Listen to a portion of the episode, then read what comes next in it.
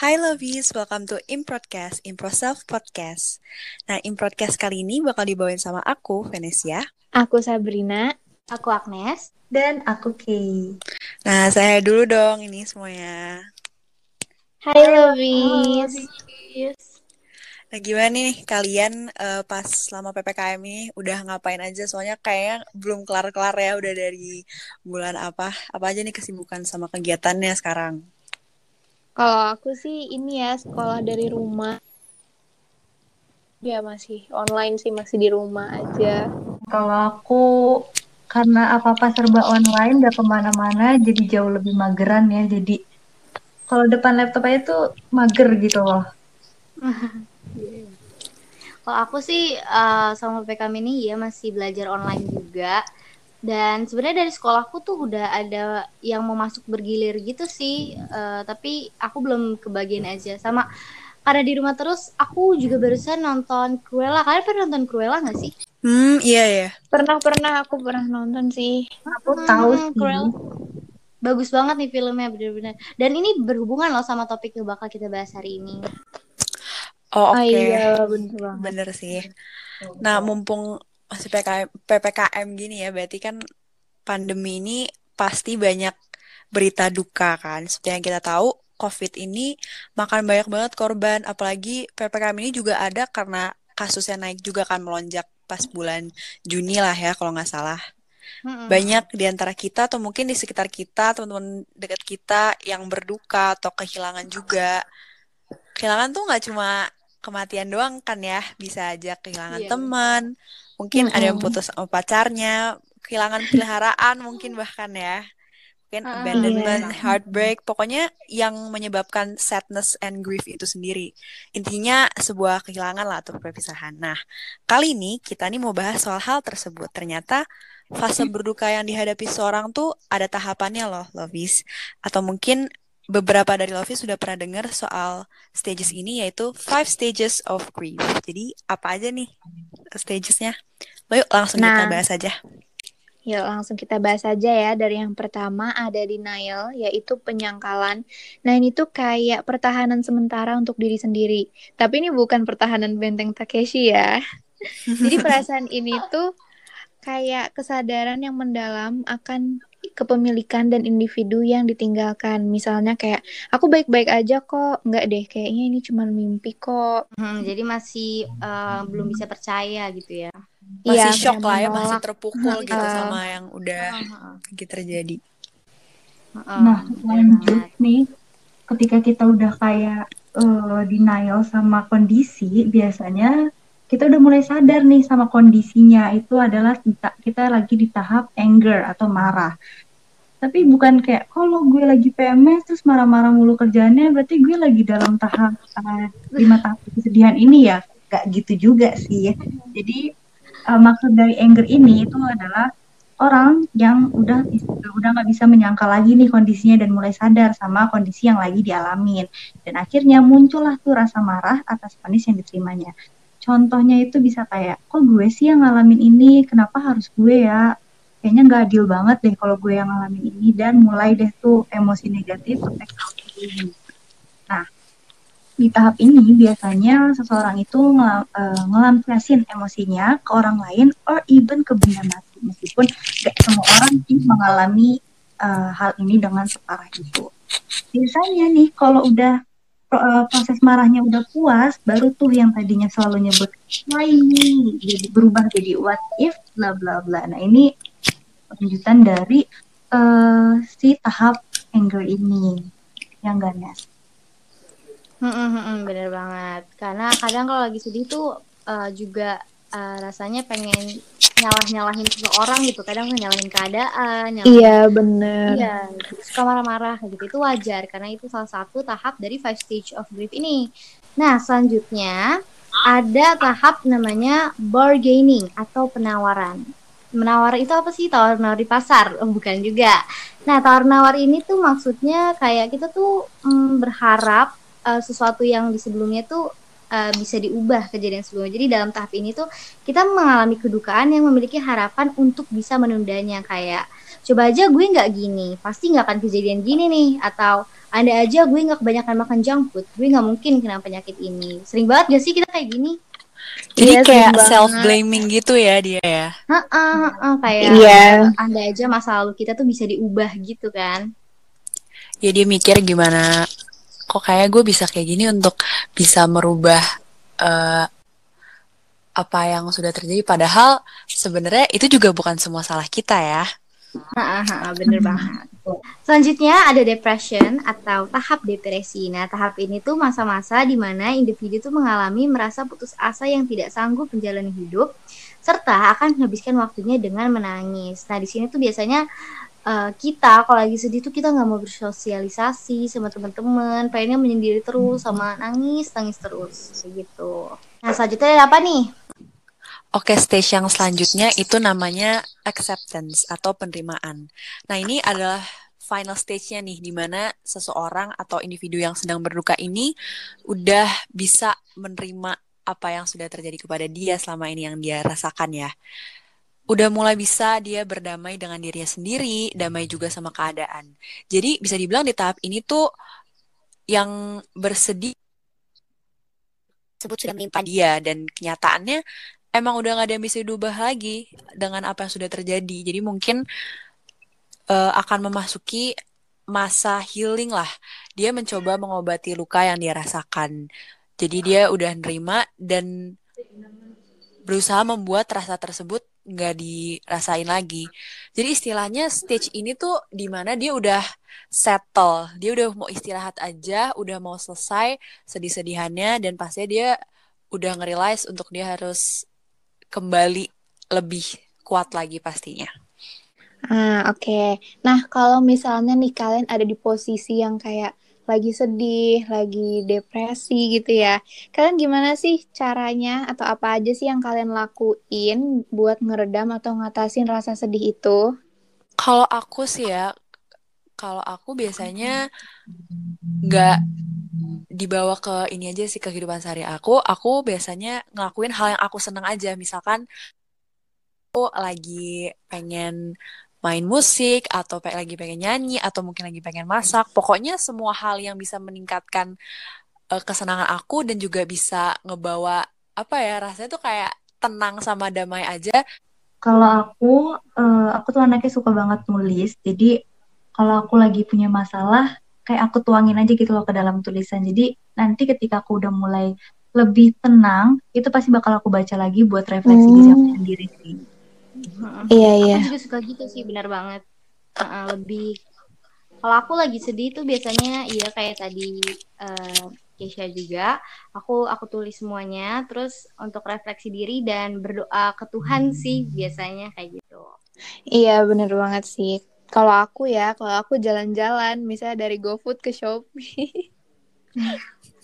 Oke okay, kita, oke okay, kita langsung aja ya ke coping mechanism. Jadi ya, coping mechanism itu adalah perilaku yang digunakan oleh individu dalam mengatasi masalah yang menimbulkan stres dengan menghindari, menjauhi, dan mengurangi stres atau dengan menyelesaikan dan mencari dukungan sosial.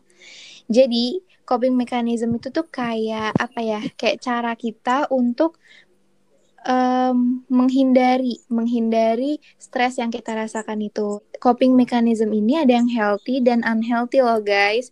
Kayak makanan aja ya. Nah, yang unhealthy atau yang gak sehat ini itu kayak melakukan segala hal dengan berlebihan. Misalnya kayak menonton film yang berlebihan, jadinya kurang tidur, jadinya begadang, kan gak bagus ya guys ya. Nah, terus yang kedua ada juga berpikir negatif kepada diri sendiri. Nah, siapa nih yang suka overthinking? Itu, itu termasuk nggak bagus ya guys, itu nggak sehat. Nah, yang ketiga ada juga menghindari aktivitas sosial dan bermalas-malasan dalam jangka waktu yang lama. Dan uh, yang tadi disebutin uh, ada unhealthy dan healthy-nya. Yang aku mau nyebutin tentang yang healthy-nya itu tentang kalian ada tahu nggak sih tentang emotion focus coping? Nah, itu mengalihkan fokus dan perhatian dari sumber masalah bisa dengan curhat ke teman atau mungkin kayak aku tadi ada yang sama tentang menuliskan tentang masalah yang dihadapinya meditasi ataupun dengan berdoa. Nah, kita juga bisa uh, bisa menjadi optimis dalam menjalani kegiatan sehari-hari. Uh, yang ketiga, kita juga bisa berpikir positif untuk diri sendiri. Di mana ketika kita udah bisa berpikir positif, pasti bakal muncul tuh rasa self love dalam diri kita. Dan uh, bisa juga dengan hobi dan kegemaran dan banyak juga loh yang uh, melakukan coping mechanism ini dengan menggali potensi diri dan menambah wawasan dengan baca buku, baca, jurnal tentang kesehatan atau mungkin uh, datang ke seminar-seminar uh, mental health dan banyak banget hal yang positif dari coping mechanism ini. So, Lovis, kalau kalian lagi sedih atau mungkin mulai ngerasa ngalamin five stage of grief ini itu hal yang wajar banget. Semua perasaan kita itu valid. Kalian tuh bisa bebas mengekspresikannya kayak gimana aja daripada dipendem-pendem kan takutnya malah meledak iya. parah. Bener ya, banget kan? sih. Jadi emang ya kita juga harus mau gitu buat ngelewatin hal-hal yang tadi disebutin biar cepet nih sampai ke tahap acceptance-nya itu. Aku yakin banget uh, Lovi semua di sini yang dengerin ini pasti bisa melalui uh, kesedihan kalian atau bahkan mengekspresikan kesedihan kalian dengan baik dan juga eh, nggak uh, ngelukain orang lain dan pastinya juga nggak ngelukain diri kalian sendiri. Iya bener banget. Jadi kalian kalau ada apa-apa bisa cerita, bisa ngelakuin hal-hal yang positif biar kalian gak kebawa terus sama masalah yang kalian hadapi. Jadi semangat terus loh, bis. Nah, kalau kalian udah ngerasa stuck banget dan ngerasa udah gak bisa ngadepin ini sendiri, uh, don't ever hesitate buat reach out helps ke orang yang lebih profesional, mungkin ke psikolog atau uh, ke psikiater, karena gimana pun juga kalian uh, butuh kok bantuan tersebut kalau emang kalian ngerasa uh, menjalaninya berat dan bingung mau harus ngapain daripada kalian uh, end up uh, menyakiti diri kalian mungkin atau mungkin malah meninggalkan diri kalian sengsara sendirian gitu sih. Nah, tadi iya, juga ngomong-ngomong soal Agnes uh, lagi nonton Cruella nih, sebenarnya film Cruella itu relate loh sama uh, topik kita hari ini Five Stages of Grief. Mungkin Agnes bisa jelasin itu mungkin di scene-scene mana uh, di Cruella itu yang ngejelasin stages of grief ini. Oke, okay, jadi kan tadi five stage of grief itu ada lima. Nah, yang pertama denial. Denial di scene Cruella itu pas si Cruella tahu kalau mamanya itu uh, si Baroness. Dia tuh kayak shock banget, kayak nggak mungkin itu mama aku dan segala macemnya. Yang kedua anger. Kalau anger ini sebenarnya nggak terlalu ditunjukin secara jelas ya di Cruella ini. Tapi saat kita tahu nih pas si John itu ya ngasih tahu kalau mamanya itu sebenarnya si Baroness. Nah dia kan naik motor, tapi dia diem aja sih sebenarnya. Tapi itu bisa sebenarnya bisa dilihat dari mukanya tuh kayak antara marah sama depresi gitu sebenarnya.